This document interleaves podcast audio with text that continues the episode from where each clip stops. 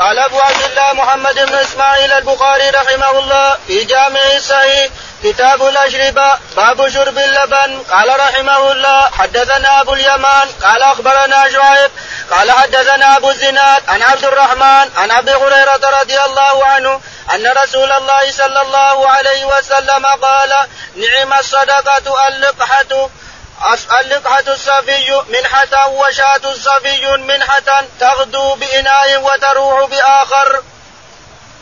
بسم الله الرحمن الرحيم الحمد لله رب العالمين صلى الله على نبينا محمد وعلى آله وصحبه أجمعين. يقول الإمام الحافظ أبو عبد الله البخاري رحمه الله في صحيحه ونحن الآن في كتاب الأشربة. يقول رحمه الله باب شرب اللبن يعني اللبن هل هو يطلق على الحليب المحلوب من العنز؟ أو يطلق على اللي وضع بصميل ورج كما يفعل النساء. الظاهر يطلق على الحليب اللي يحلب من أمه من الآن. يحلب من الغنم من نعجه أو من غنمة أو من بقرة. يحلب من الآن يطلق على اللبن. اللبن كل ما حلب حتى الساعة يسمى لبن. يقول البخاري رحمه الله نعم. حدثنا أبو اليمان. حدثنا أبو اليمان. أبو اليمان. قال حدثنا شعيب. شعيب. قال حدثنا أبو الزناد. أبو الزناد. قال عن عبد الرحمن. عن عبد الرحمن. آه نعم. ابو زناد عبد الرحمن الاعرج عن أبي هريرة. عن أبي هريرة رضي الله تعالى عنه قال أن رسول الله صلى الله عليه وسلم قال نعم الصدقة اللقحة الصفي من حسن. يقول أبو هريرة رضي الله تعالى عنه أن النبي عليه الصلاة والسلام قال نعم اللقحة منيحة اللقحة. يعني إنسان يعطي أخاه المسلم أما اشياء يعلبها منايح يعني وقت ما عنده غنم وأنا عندي غنم. أقوم أعطيه اثنتين ثلاث يحاربهن ويشربهن وقت الشتاء وقت الربيع. أو ناقة تحلب اعطيه أعطيها الناقة. نعم اللقحة يعطيها المسلم أخاه المسلم. اعظم أعظم نعمة وأعظم درجة. وأعظم فوز عند الله الصدقة في المنيحة. منيحة الغنمة أو منيحه البقرة أو منيحة الناقه نعم وشاة الصغير من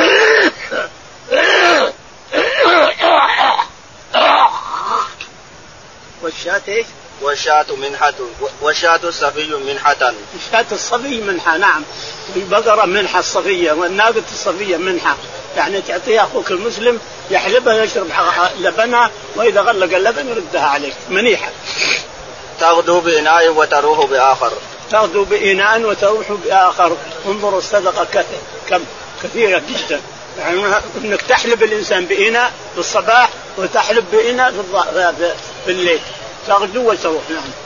قال رحمه الله حدثنا أبو عاصم عن الأوزاعي عن ابن شهاب عن عبيد الله بن عبد الله بن عبد عن عبيد الله بن عن عبيد الله بن عبد الله بن عتبة عن ابن عباس رضي الله عنهما أن رسول الله صلى الله عليه وسلم شرب لبنا فمضمض وقال إن له دسما وقال إبراهيم بن طعمان عن شعب عن قتادة عن أنس بن مالك قال قال رسول الله صلى الله عليه وسلم رفعت إلى إلى السدرة فإذا أربعة أنهار نهران ظاهران ونهران باطنان فأما الظاهران النيل والفرات وأما الباطنان فنهران في الجنة فأوتيت بثلاثة أقداح قدح فيه لبن وقدح فيه عسل وقدح فيه خمر فأخذت الذي فيه اللبن فشربت فقيل لي عسبت الفطرة أنت وأمتك وأمتك قال هشام وسعيد وحماما قتادة عن قتادة عن أنس بن مالك عن مالك بن سعسع عن النبي صلى الله عليه وسلم في الأنهار نحوه ولم يذكروا ثلاثة أقداح.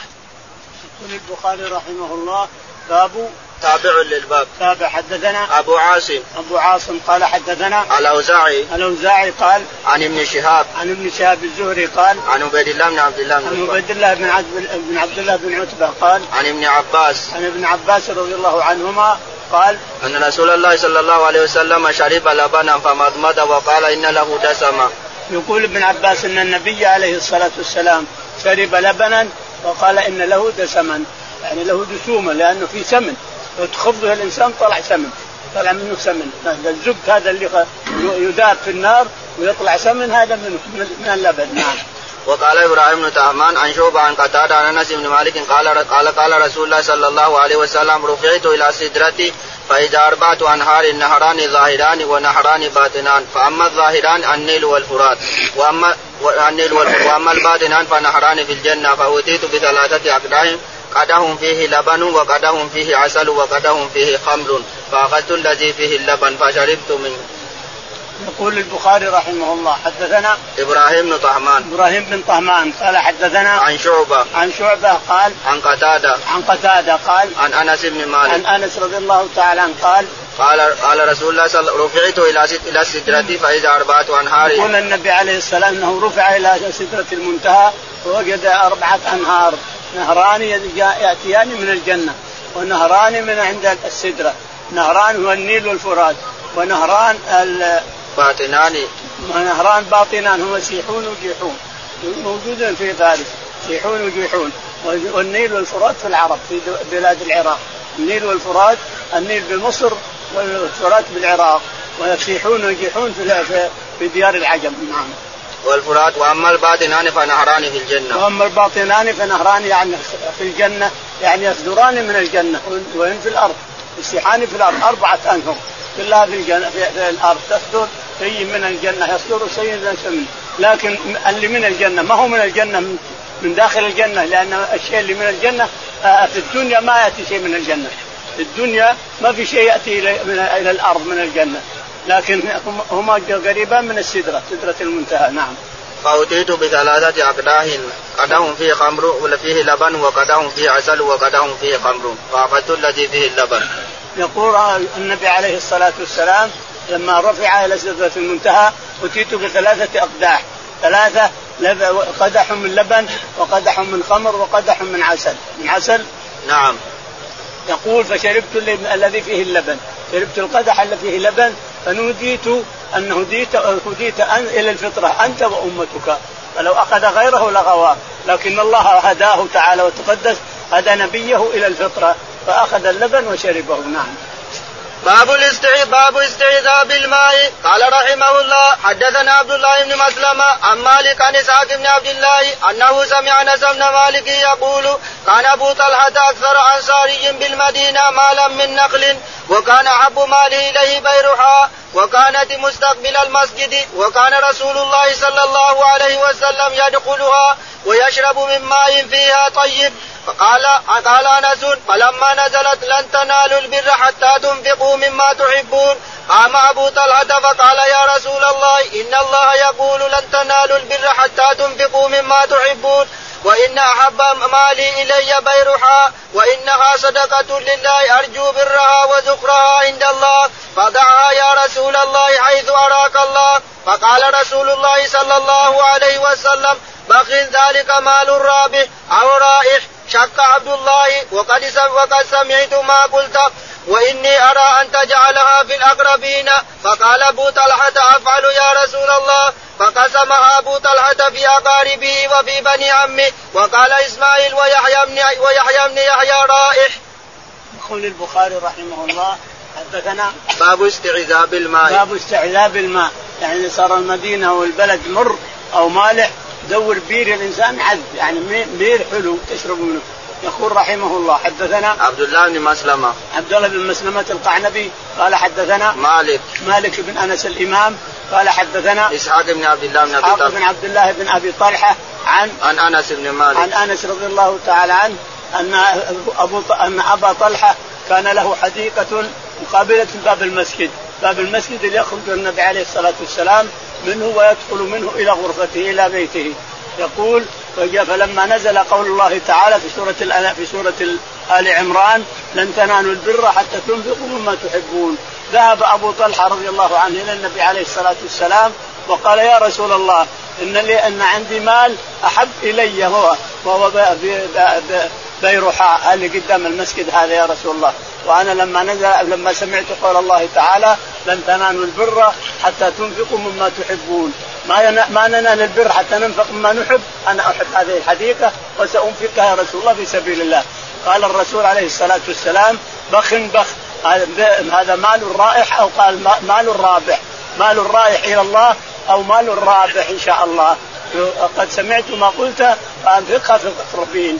صدق بها على الأقربين. يعني أوقف أوقف أصلها على الأقربين وثمرتها صدقة للفقراء والمساكين. فقال سأفعل يا رسول الله. فقسمها بين أقربائه منهم حسان رضي الله عنه ومنهم كثير. نعم. باب شرب اللبن بالماء. قال رحمه الله حدثنا عبدان قال أخبرنا عبد الله قال أخبرنا يونس عن الزهري قال أخبرني أنس بن مالك رضي الله عنه أنه رأى رسول الله صلى الله عليه وسلم شرب لبنا وأتى داره فحلبت شاة فشب فشبت لرسول الله صلى الله عليه وسلم من البئر فتناول القدح فشرب. وعن يسار أبو بكر وعن يمينه أعرابي فأتى الأعرابي فضله ثم قال الأيمن فالأيمن. يقول البخاري رحمه الله. حدثنا باب شوب اللبن بالماء. باب شوب اللبن بالماء. يعني تحط على اللبن ماء قليل. ماء علشان يفكه.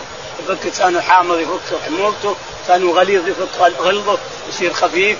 الماء طيب مع اللبن. قليل ماء مع اللبن طيب. يقول رحمه الله حدثنا عبدان. عبدان. قال حدثنا عبد الله. عبد الله قال حدثنا يونس. يونس قال عن الزهري. عن الزهري قال عن أنس بن مالك. عن أنس رضي الله تعالى عنه قال أنه رأى رسول الله صلى الله عليه وسلم شرب لبنا وأتى داره فحلبت شاة فشب لرسول الله صلى الله عليه وسلم فشبت لرسول الله صلى الله عليه وسلم من البئر فتناول القدح فشرب وعن يسار أبو بكر وعن يمين أعرابي فأتى الأعرابي.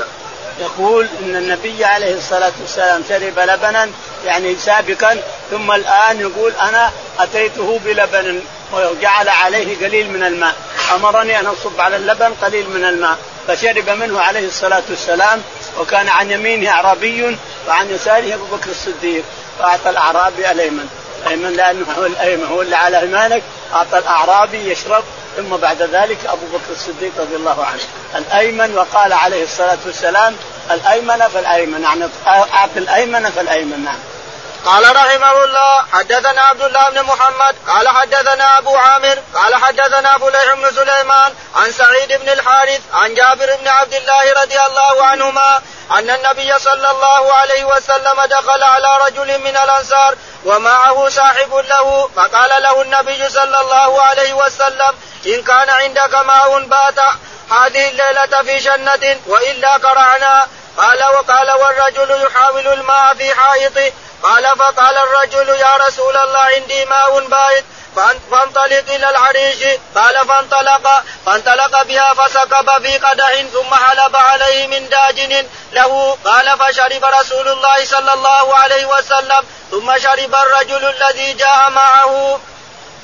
يقول البخاري رحمه الله باب تابع للباب. تابع. حدثنا عبد الله بن محمد. عبد الله بن محمد قال حدثنا أبو عامر. أبو عامر العقدي قال حدثنا فليح بن سليمان. فليح. قال حدثنا عن سعيد بن الحارث. عن سعيد بن الحارث قال عن جابر رد عن جابر رضي الله تعالى عنه أن النبي عليه الصلاة والسلام نعم. دخل على رجل من الأنصار ومعه صاحب له. دخل على رجل من الأنصار يقال إنه الهيثم أبو الهيثم بن التيهان رضي الله عنه. أبو الهيثم بن التيهان دائما يزوره الرسول عليه الصلاة والسلام في حديقته ويتناول الرطب ويتناول الماء البارد إذا كان في شن دائما يزور حديقته وزاره هو أبو بكر وعمر. زاره عليه الصلاة والسلام وهو حازم على بطنه حجر من الجوع. وكذلك أبو بكر حجر من الجوع. وكذلك عمر حجر من الجوع. ثم ذهب الثلاثة إلى حديقة أبي الهيثم بن التيهان. فلما دخلوها لم يوجدوه رايح يستعذ بالماء العذب. يجيب ماء عذب لأن حديقته مرة. فوجدت حيتهم حيت بهم امرأته ورحبت بهم وفرشت حصير للرسول عليه الصلاة والسلام وجلس عليه ثم أتتهم بعلق من الرطب ثم جاءت لهم بماء بارد ثم قال الرسول عليه الصلاة والسلام للجماعة أبو, عمر أبو بكر وعمر قال إنكم لتسألون عن هذا النعيم. إنكم لتسألون عن هذا النعيم. خرجتم حازمين بطونكم من الجوع والآن ظل بارد ورطب بارد وماء بارد. سبحان الله العظيم. لا تسألن عن هذا النعيم. في آخر الهاكم ثم لا تسألن عن النعيم. يسأل ابن آدم عن النعيم اللي أعطاه الله تعالى بعد جوع بعد فقر بعد كذا يعطيك الله النعيم. تسأل يوم القيامة عريان يكون فلان يكون فلان. ثم تسأل عما أعطاك الله تعالى من النعيم. هل شكرت أو ما شكرت إلى آخره؟ الشاهد أن ابا الهيثم ذبح لهم ذبيحة إلى آخره. ثم مرة ثانية هذه. مرة ثانية زاروه وهو يحول الماء على حديقته ثم جاء لهم قال له النبي عليه الصلاة والسلام هل عندك من ماء بات البارح في شنة؟ لأنه يصير أحسن من الثلاجة. قال نعم يا رسول الله تفضل العريش. عريش شجرة العنب بإذن الله تطلع فوق تطلع ثم ورقها يصير كأنه سقف. سقف عليه يصير الظل ما عندك أحسن بارد. فذهب وأتى اتاهم بماء من بات البارحة في شنة ثم أتى بلبن وحط فوق اللبن صب فوق اللبن قليل من الماء ثم أعطاه الرسول عليه الصلاة والسلام فشرب منه نعم. باب شراب الحلوى والعسل. وقال الزهري لا يحل شرب بول الناس لشدة تنزل لأنه رجز. قال الله تعالى أحل لكم الطيبات. وقال ابن مسعود في السكر إن الله لم يجعل شفاءكم فيما حرم عليكم. قال رحمه الله حدثنا علي بن عبد الله. قال حدثنا أبو أسامة قال أخبرني هشام عن أبي عن عائشة رضي الله عنها قالت كان النبي صلى الله عليه وسلم يعجبه الحلوى والعسل. يقول البخاري رحمه الله باب باب شراب الحلوى. شراب الحلوى والعسل. الحلوى سكر تشربه الإنسان والعسل كذلك تشربه الإنسان سواء تحط معه ماء أو الحال تشربه ملعقة ولا تشربه إناء لحاله الشاهد أنه يقول باب شراب العسل والحلوى. كان عليه الصلاة والسلام يحب الحلوى ويحب العسل أيضا شربهما. يقول البخاري وقال الزهري لا يحل شرب بول الناس لشدة تنزل وقال الزهري لا يشر لا يحل شرب البول لشر النازل. البول لا يحل اطلاقا. البول نعوذ بالله ركس ونجس. البول بول الآدمي ركس ونجس. ولا يحل استعماله بحال من الأحوال. حتى لو غص في لقمة ما ولا يوجد إلا بول ما يمكن يشرب البول. لأن البول نجس ومحرم ولا يمكن يحل بحال من الأحوال. بول الآدمي نجس ومحرم ولا يحل استعماله. حتى السكر السكر هذا الخمر إذا كان عندك خمر سكر وغص بلقمة بعض الناس يقول ادفع ادفع اللقمة اللي غصت فيها بخمر. لا يجوز دفعه بخمر لا يجوز شيء. شيء حرمه الله تعالى وتقدس. إن الله لم يجعل شفاء أمتي فيما حرم عليها. إن الله لم يجعل شفاء أمتي فيما حرم عليها. فلا يجوز استعمال السكر وهو الخمر اللي يسكر ولا استعمال البول بحال من الأحوال اطلاقا. لا يمكن يستعمل البول لأنه نجس نجس نجاسه مغلظة. نعم. قال حدثنا علي بن عبد الله. حدثنا علي بن عبد الله. قال حدثنا أبو أسامة. أبو أسامة. قال حدثنا هشام بن عروة. هشام بن عروة. عن عن أبيه. عن أبيه عروة بن الزبير. عن عن عائشة. عن عائشة رضي الله تعالى عنها قالت قالت كان النبي صلى الله عليه وسلم يعجبه الحلوى والعسل. قالت كان النبي عليه الصلاة والسلام يعجبه الحلوى والعسل. نعم. باب شرب باب شرب قائما قال رحمه الله حدثنا أبو نعيم قال حدثنا مسعر عن عبد الملك بن ميسرة عن النزال بن صبرة قال أتى علي رضي الله عنه على باب الرحبه فشرب قائما فقال إن ناسا يكره أحدهم أن يشرب وهو قائم وإني رأيت النبي صلى الله عليه وسلم فعل كما رأيتموني فعلت. يقول البخاري رحمه الله باب الشرب قائما. يعني تأخذ ماء وأنت قايم وتشرب الإنسان لا بأس به ما في شيء. ما في حتى كراهة ما في كراهة. لأن النبي شرب وهو قائم عليه الصلاة والسلام في مرات عديدة ومنها على زمزم. قال للعباس أعطني أشرب. وهو قائم. وشرب زمزم وهو قائم. ويشرب وهو قائم ما في شيء. ما في حتى الكراهة ما في شيء ما في كراهة. يقول البخاري حدثنا أبو نعيم. أبو نعيم قال حدثنا مسعر. مسعر. قال حدثنا عبد الملك بن ميسرة. عبد الملك بن ميسرة قال عن النزال بن صبرة عن النزال بن صبرة قال عن علي بن أبي طالب. عن علي رضي الله تعالى عنه أنه تناول ماء وعنده أناس في الرحبة فشرب عليه رضي الله عنه وأرضاه شرب وهو قائم. ثم قال للناس أيها الناس إني رأيت النبي عليه الصلاة والسلام يشرب كما رأيتموني أشرب. يشرب واقف قائما كما رايتموني أشرب قائما. يعني من يقول إنها مكروه الشرب مكروه الشرب قائم أو لا يجوز فهو لا قيمة له لا أصل لكلامه. نعم. قال رحمه الله حدثنا آدم قال حدثنا شعبة عن عبد الملك بن ميسرة سمعت النزال بن صبرة يحدث عن علي رضي الله عنه أنه صلى الظهر ثم قعد في حوائج الناس في رحبة الكوفة حتى حضرت صلاة حتى حضرت صلاة العصر ثم أتي بماء فشرب وغسل وجهه ويديه وذكر رأسه ورجليه ثم قام ثم قام فشرب فضله وهو قائم. ثم قال إن ناسا يكرهون شرب شرب قائما. وإن النبي صلى الله عليه وسلم صنع مثل ما صنعت يقول البخاري رحمه الله حدثنا آدم. آدم قال حدثنا شعبة. شعبة قال حدثنا عبد الملك. عبد الملك قال عن النزال بن عن سبره النزال بن سبره قال حدثنا علي بن أبي طالب. علي رضي الله تعالى عنه قال كان جالسا في رحبة مسجد الكوفة وهو الإمام رضي الله عنه وأرضاه وهو الخليفة ذاك اليوم فلما حضر الصلاة العصر وأذن المؤذن قام وأتي بوضوء. فأخذ الوضوء ورش منه وتوضأ منه. توضأ تمضمض واستنشق ثم غسل يديه ثم غسل مسح رأسه وأذنيه ثم غسل رجليه رش على رجليه وغسلهن ثم أخذ الفضله وقام قائما. ثم شرب من الماء.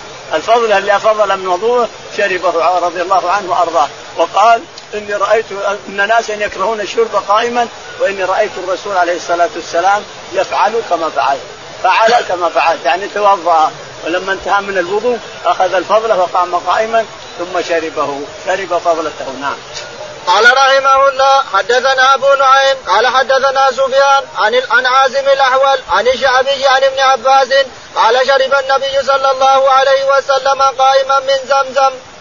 يقول البخاري رحمه الله حدثنا أبو نعيم. أبو نعيم قال حدثنا سفيان. سفيان قال حدثنا عاصم الاحول عاصم الاحول قال عن الشعبي. عن الشعبي عامر قال عن ابن عباس. عن ابن عباس رضي الله عنهما أن النبي عليه الصلاة والسلام شرب من زمزم وهو قائم لما أتى من من من عرفة يريد أن يطوف للإفاضة وانتهى من طواف الإفاضة.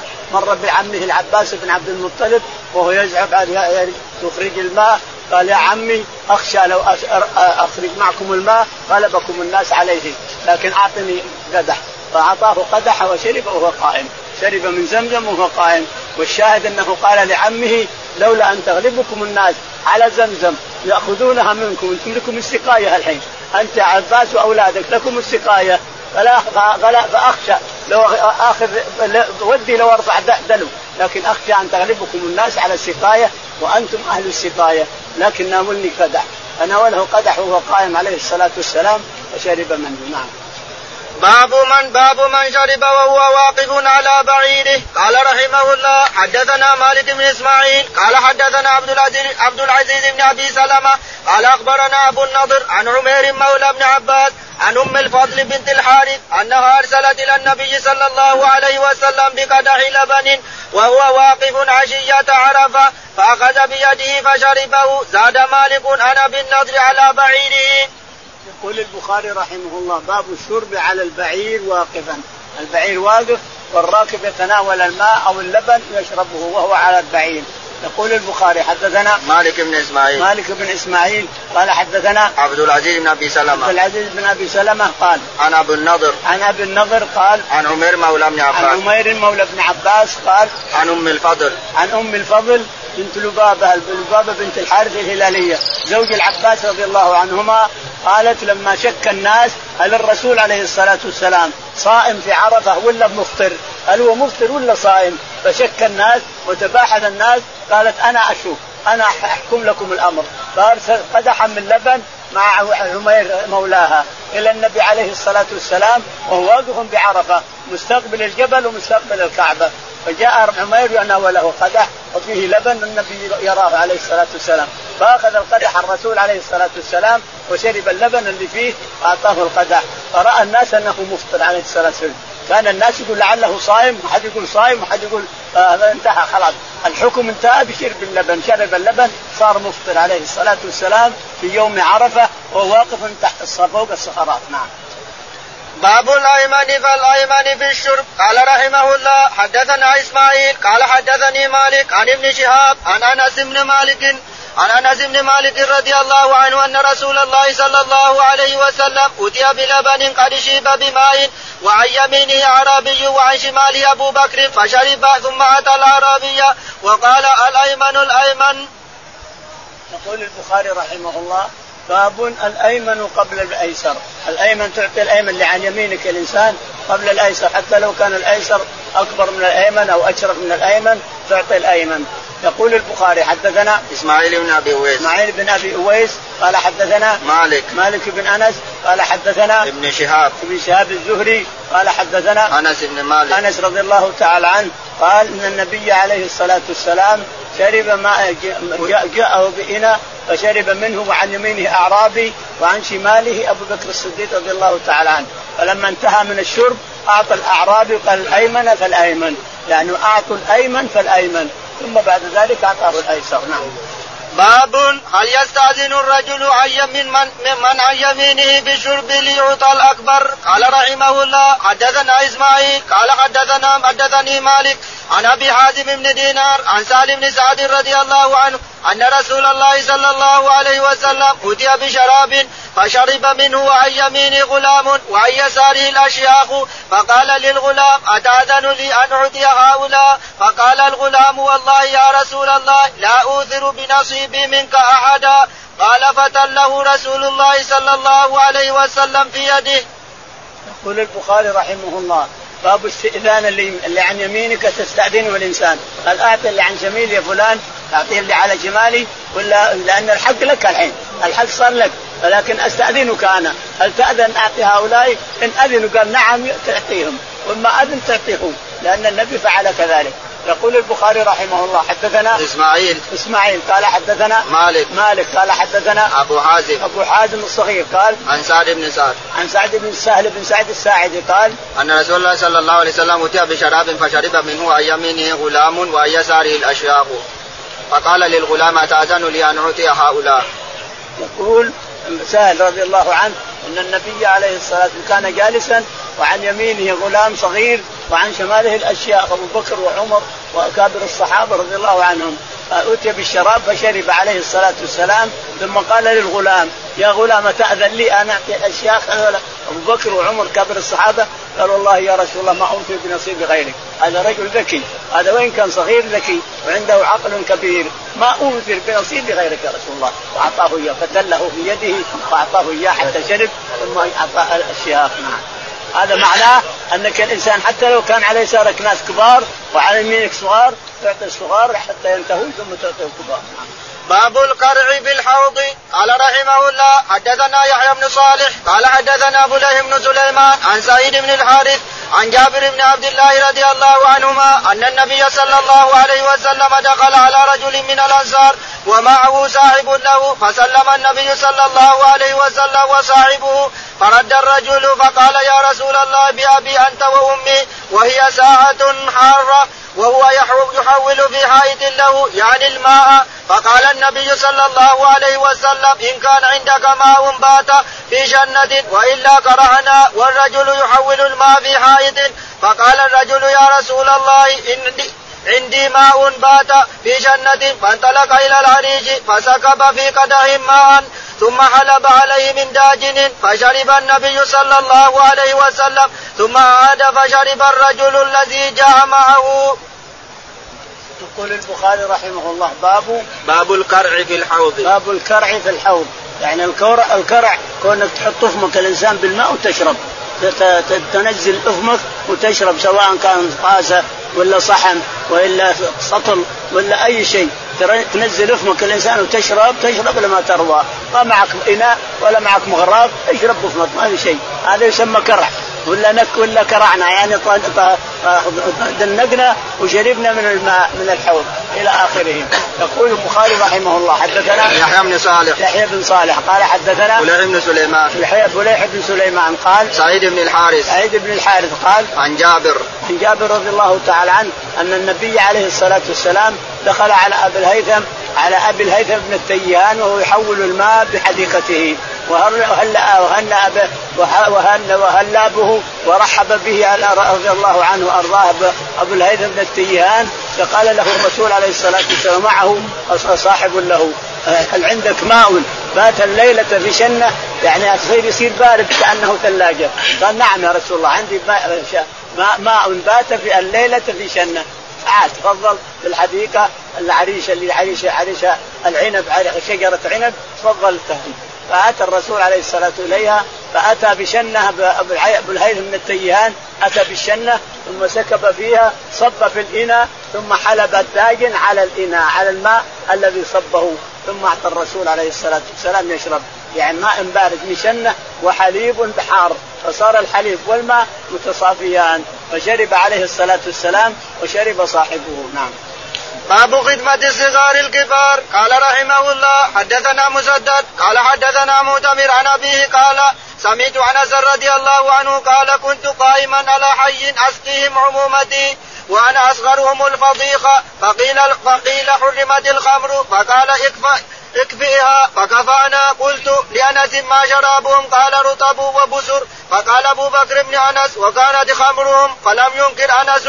وحدثني بعض أصحابي أنه سمع أنس يقول كانت خمرهم يومئذ. يقول البخاري رحمه الله باب خدمة الصغار الكبار. باب خدمة الصغير الكبار أو الصغار اثنين يخدمون الكبار أو واحد يخدم الكبار أو أكثر يخدمون الكبار.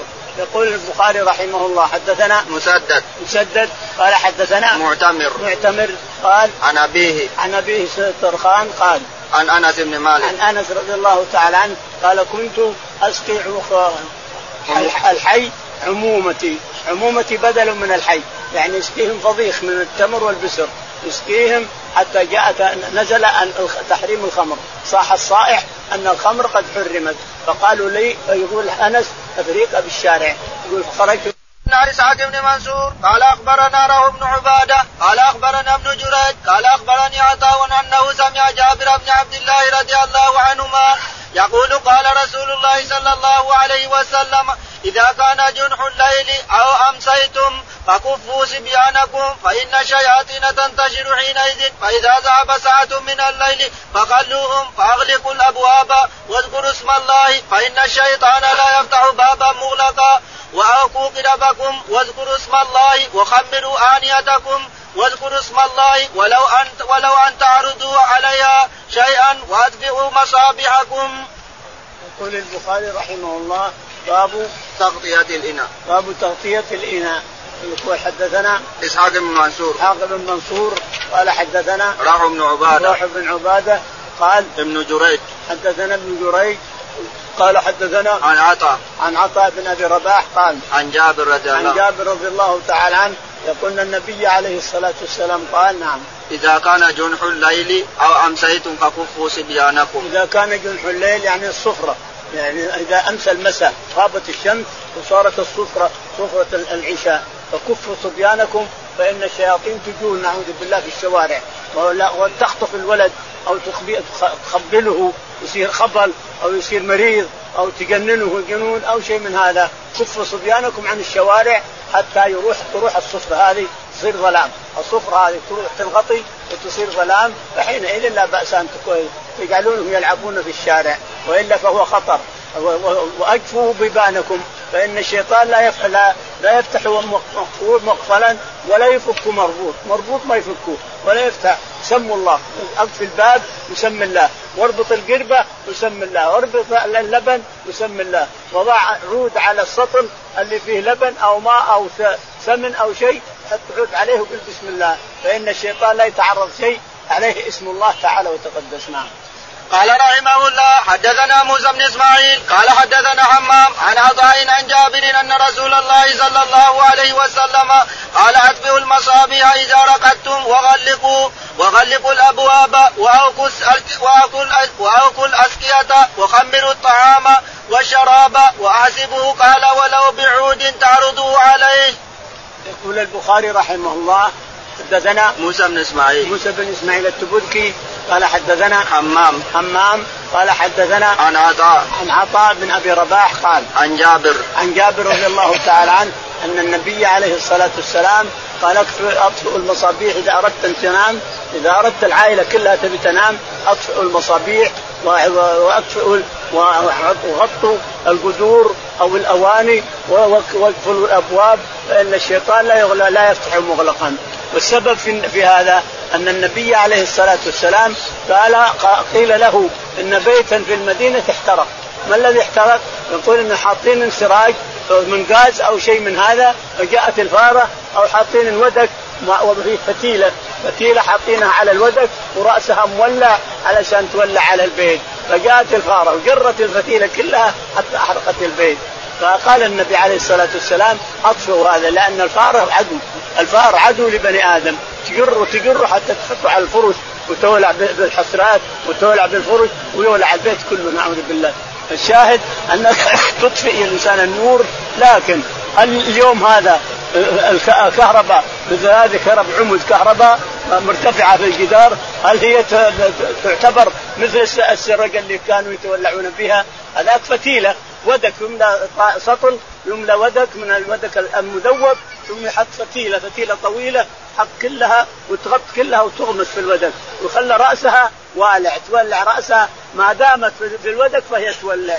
لكن الفتيلة تجرها قال العمد عمود الكهرباء هذا مثلها يجب أن تطفى الله أعلم. نعم.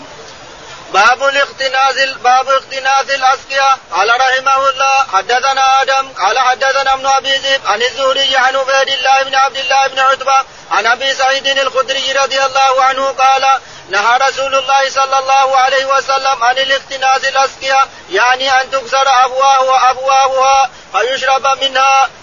يقول البخاري رحمه الله باب النهي عن اختناس أفواه الاسقياء يعني اللبن صميل لبن تشرب منه أو مثلا قربة تشرب منها تكسر رفمها كذا تخلها تطوي تطوي رفمها ثم تشرب منها. اشرب منها بدون طوي.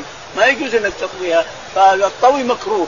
النبي نهى عن طي طي أفم القربة. اشرب منها وهي مفتوحة بدون أن تخلط تخلط أفمها أفم القربة أو أفم حوض اللبن أو أفم أي شيء أنت بتشربه من السوائل. مكروه عنك. مكروه عليك أنك تخلط الأفم. افم الزربة أو افم الصميل أو افم أي شيء. مكروه هذا. لكن صب بإنا واشرب وإلا اشرب منها بدون كسر. لا تكسر الأفم. نعم. قال رحمه الله حدثنا محمد بن مقاتل قال أخبرنا عبد الله قال أخبرنا يونس عن الزهري قال حدثني عبيد الله بن عبد الله أنه سمع أبا سعيد الخدري يقول سمعت رسول الله صلى الله عليه وسلم ينهى عن الاختناز الاسقياء قال عبد الله قال معمر أو غيره وشرب من افواهها يقول البخاري رحمه الله حدثنا محمد بن مقاتل. محمد بن مقاتل. قال حدثنا عبد الله. عبد الله. قال حدثنا يونس. يونس. قال حدثنا الزهري. الزهري قال عن عبيد الله بن عبد الله بن عن عبيد الله بن عتبة قال عن أبي سعيد. عن أبي سعيد الخدري رضي الله تعالى عنه أن النبي عليه الصلاة والسلام نهى عن اختناس أفواه الاسقيه والشرب منها. نهى عن اختناس أفواه الاسقيه والشرب منها سواء اللبن صميل فيه لبن أو قربه فيها ماء أو شيء من هذا نهى عن اختناثها والشرب منها. صب منها بإناء واشرب الانسان لأنك لو تشرب منها ربما ساقطا فيها شيء وأنت ما تشعر. ساقطا في القربة شيء وأنت ما تشعر. فإذا شربت منها ذهب إلى حلقك وأنت ما تشعر الإنسان. فيضرك. مثلا ذبابة طاح في أو عقرب أو صرصار أو شيء من هذا طاح بابن القربة. فاذا شربت منها ذهب إلى حلقك وأنت لا تشعر الإنسان. فالأفضل انك تصب بإناء علشان تشوف الماء. شو صافي ما في شيء تشرب. ما هو صافي ما تشرب الإنسان. نعم.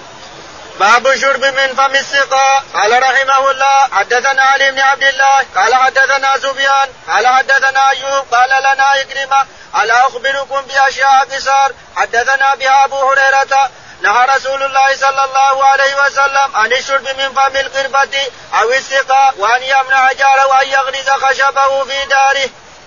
يقول البخاري رحمه الله باب باب شرب من فم السقاء الشرب من فم السقاء وأنه منهي عنه. حدثنا علي بن عبد الله. علي بن عبد الله قال حدثنا سفيان. سفيان قال حدثنا أيوب. أيوب قال حدثنا إكرمة. عكرمة قال قال أخبركم بأشياء قصار حدثنا بها أبو هريرة رضي الله قال أخبركم بأشياء حدثنا بها أبو هريرة منها أنك لا تشرب من فم السقاء يا الإنسان. لا تكسر السقاء أو ما تكسره وتشرب من فم القربة أو من فم الصميل حق اللبن لأنك ما تدري وش اللي بوسط القربة وش ربما فيه أذى ثم تبلعه ما تدري عنه الإنسان. فلا بد تصب إناء ثم تشوف الإناء وش اللي فيه ثم تشرب. ولا ولا تمنع جارك أن يضع خشبه على جدارك الإنسان. يضع خشبه على جدارك. يعني أنه يسقف غرفته هنا ولا عنده جدار ما حط جدار. ولكن جدارك موجود.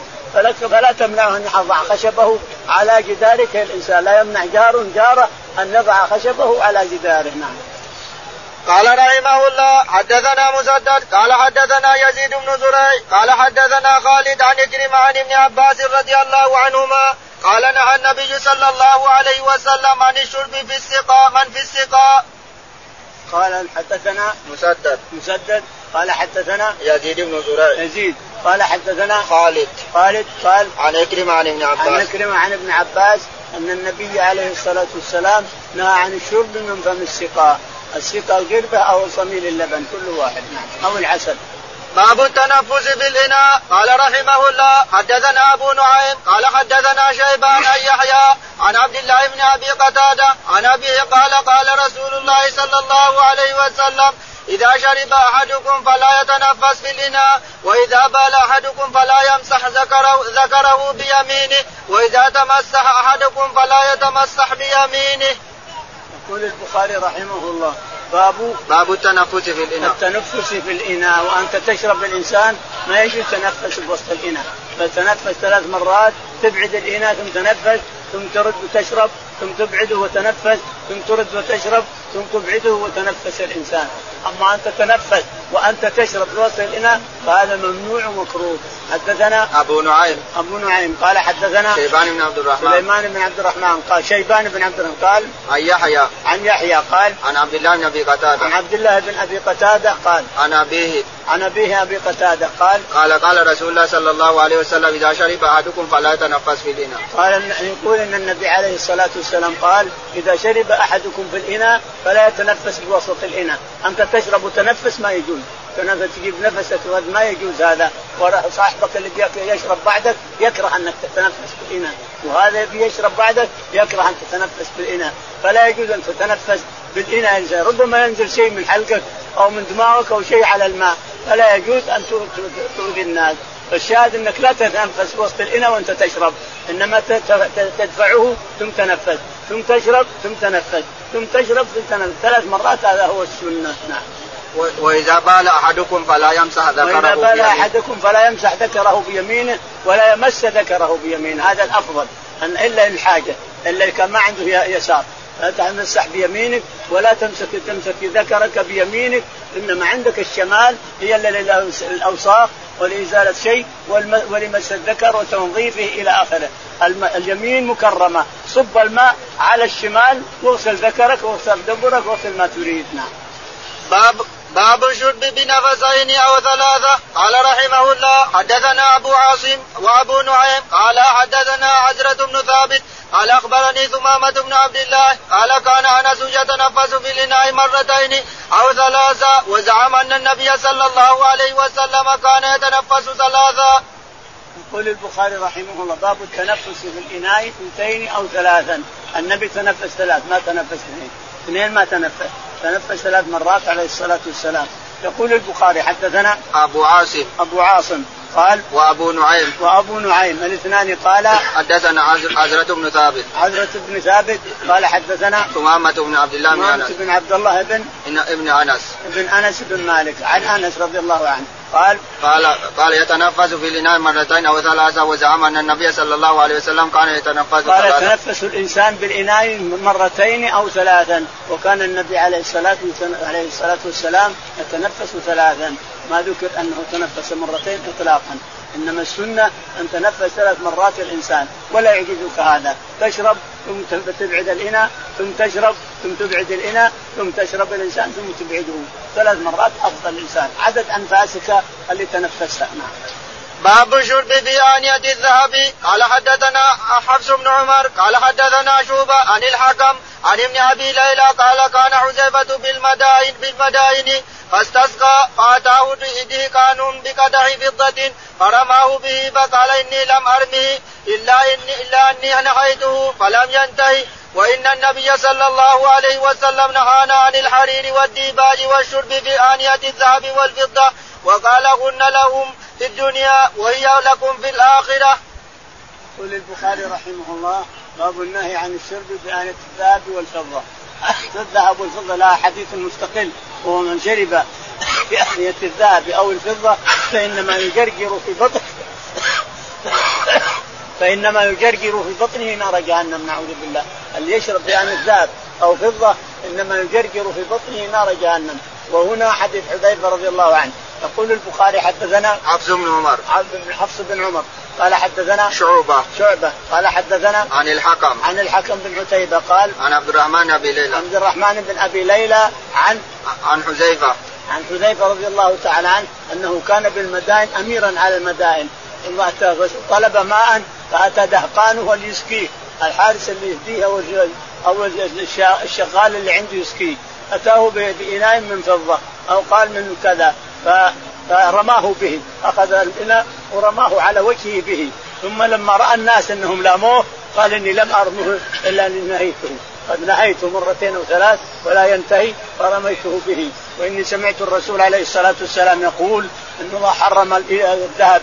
والفضة والحرير والديباج وانيه الذهب والفضة. حرم هذا كله على على على الناس كافة. أما الحرير والديباج فحلال للإناث وأما الذهب والفضة والشرب بهما أو حتى استعمالهما جلوسهما عندك الإنسان كله محرم على الذكر والأنثى. باب آنية الفضة. قال رحمه الله حدثنا محمد بن المثنى. قال حدثنا ابن أبي عدي عن ابن عون عن مجاهد عن ابن أبي ليلى. قال خرجنا مع حذيفة ذكر ذكر النبي صلى الله عليه وسلم. قال لا تشربوا في آنية الذهب والفضة ولا ولا تلبس ولا تلبسوا الحرير والديباج فإنها لهم في الدنيا ولكم في الآخرة. يقول البخاري حدثنا باب آنية الفضة. باب آنية الفضة. حدثنا محمد بن المثنى. محمد بن المثنى. قال حدثنا ابن أبي عدي. ابن أبي عدي. قال حدثنا ابن عون. ابن عون. قال عن مجاهد. عن مجاهد قال عن ابن أبي ليلى. عن ابن أبي ليلى عبد الرحمن قال قال خرجنا مع حذيفة. يقول خرجنا مع حذيفة رضي الله عنه إلى المدائن. نعم. فقال ذكر النبي صلى الله عليه وسلم قال لا تشربوا في آنية الذهب والفضة ولا تلبسوا الحرير والديباج فإنها لهم في الدنيا ولكم في الآخرة. يقول فذكر النبي عليه الصلاة والسلام وقال إنه حرم الشرب بآنية الذهب والفضة قال لا تشربوا بآنية الذهب والفضة فإنها لهم في الدنيا ولكم في الآخرة يشربونها في الدنيا لهم في الدنيا ولكم في الآخرة. ولا تلبسوا الحرير والديباج. الفرق بين الحرير والديباج أن الحرير يمسك بسلك واحد. والديباج والاستبرق وجميع ما موجود هو من سلكين. الديباج والقسي والغيرها هو من سلكين. والحرير الصافي هو من سلك واحد. لو تجمعه كله. لو يكون معك مثلا ثلاث أمتار أربع أمتار خمس أمتار تجمعه بكفك الإنسان كانه ما ما ما, ما, له ما له شيء ولا شيء ينطوي ينطوي ينطوي بكفك الواحدة لكن الديباج وغيره من الاستبرق وغيرها ما ينطوي لأنه من سلكين وقد يكون واحد منهم واحد منهما غليظ إلى الآخر. نعم. قال رحمه الله حدثنا إسماعيل قال حدثنا مالك عن مالك بن أنس عن نافع عن زيد بن عبد الله بن عمر عن عبد الله بن عبد الرحمن بن أبو بكر الصديق عن أم سلمة زوج النبي صلى الله عليه وسلم أن رسول الله صلى الله عليه وسلم قال الذي يشرب في إناء الفضة إنما يجرجر في بطنه نار جهنم. يقول البخاري رحمه الله حدثنا إسماعيل إسماعيل قال حدثنا مالك قال حدثنا نافع. نافع قال عن زيد بن عبد الله. عن زيد بن عبد الله قال حدثنا عن عبد الرحمن بن أبي بكر. عبد الرحمن بن أبي بكر صديق. عن عبد الرحمن بن أبي بكر الصديق الصديق قال عن أم سلمة. عن أم سلمة رضي الله تعالى عنها أن النبي عليه الصلاة والسلام قال من شرب الذي يشرب في إناء الفضة إنما يجرجر في بطنه الذي يشرب في إناء الفضة إنما يجرجر في بطنه نار جهنم سواء كان ذكر أو أنثى. سواء كان ذكر أو أنثى سواء الفضة والذهب سواء من من يشرب من يشرب هذا في البخاري سيأتي. من يشرب في آنية الذهب والفضة فإنما يجرجر في بطنه نار جهنم سواء ذكر أو أنثى. وهنا أفرد البخاري الفضة لأن الحديث منفرد عن أم سلمة. وهناك حديث عن أبي هريرة من يشرب في آنية الذهب والفضة. سيأتي يقول فإنما يجرجر في بطنه نار جهنم. نعم. حديث واحد باطن وكامل طيب؟ قال رحمه الله حدثنا موسى بن إسماعيل قال حدثنا أبو عوانة عن الأشعث بن سليم عن معاوية بن سويد بن مقرن عن البراء بن عازب قال أمرنا رسول الله صلى الله عليه وسلم بسبع ونهانا عن سبع. أمرنا بعيادة المريض واتباع الجنائز وتشميت العاطس وإجابة الداعي وإفشاء السلام ونسر المظلوم وإبرار المقسم ونهانا عن خواتيم الذهب وعن الشرب في الفضة أو قال آنية الفضة وعن المياثر والقسي وعن لبس الحرير والديباج والاستبرق.